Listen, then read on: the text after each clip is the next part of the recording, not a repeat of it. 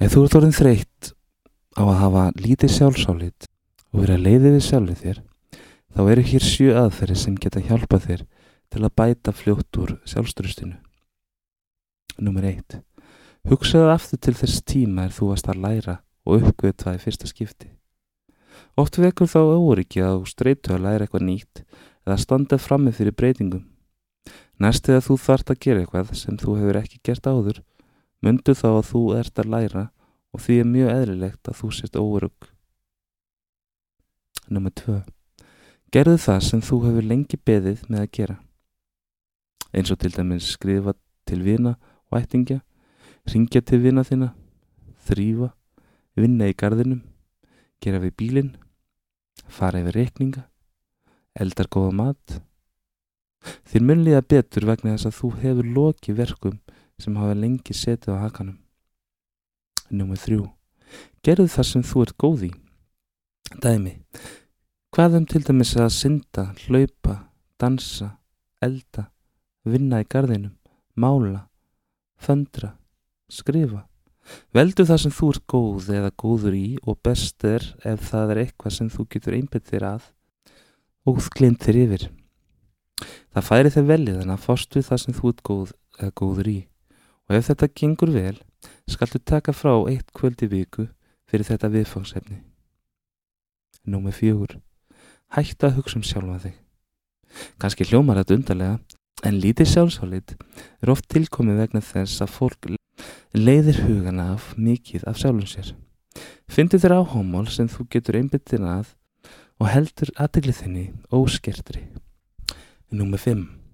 Slappaðu vel af. Ef þau líður illa og þú trúir ekki að sjálfa þig, reyndu þó að reynsa hugan og slappa vel af. Sumir fara út að hlaupa eða í leikvemi til að slappa af. Aðri taka sér eitthvað fyrir hendur sem kúpla þeim út úr tilverunni. Til dæmis jóka Sumir slappa af yfir sjónvarpinu eða fókbaltaleik. Veldu þá aðferð sem henda þér best. Eftir góða afslöpun dreguð þú úr tilfinningasemi og þú manns betur það góða sem þú gerst í lífinu. Númer 6. Rifjaðu upp það sem þú hefur afreikað á æfinni. Þetta getur verið erfitt í fyrstu en eftir svo litin tíma þegar þú hefur skrifað list yfir það sem þér hefur tekist vel upp á æfinni mun sjálfsálutið aukast. Og ef þú hugsaður, en ef ég hef aldrei afreikað neitt, þá erum við ekki að tala um það að þú þurfir að hafa klíðið Mount Everest, heldur til dæmis það að þú náðir bílprófunu. Að vera stressuð. Þú náðir öðrum prófum sem þú helst að þú næðir ekki. Þú reyfið því mikið. Þú sapna fyrir ferðarlegi, ert hjálpsum og svo framvegis. Númer 7. Mundu að þú getur haft ránt fyrir þér.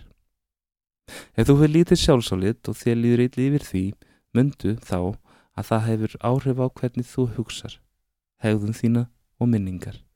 Þá kemur þú bara til með að muna það leiðinlega sem hefur gerst og nýtir ekki þau tækifæri sem lífi býður upp á. Fólk sem þú umgengst hefur vafa lítið ekki sömu skoður á þér og þú sjálf. Lestu aftur ráðunum að fimm og lærða að slappa af. Smá samantækt. Eftir að þú hefur prófað eina eða fleiri á ofangreindum aðferðum, reyndu þá að gera hana, þær, hluta lífið þínu. Gott sjálfsálit er ekki bara kostur, það er nöðsilegt því það mótar hugsanir þínar á hverjum degi.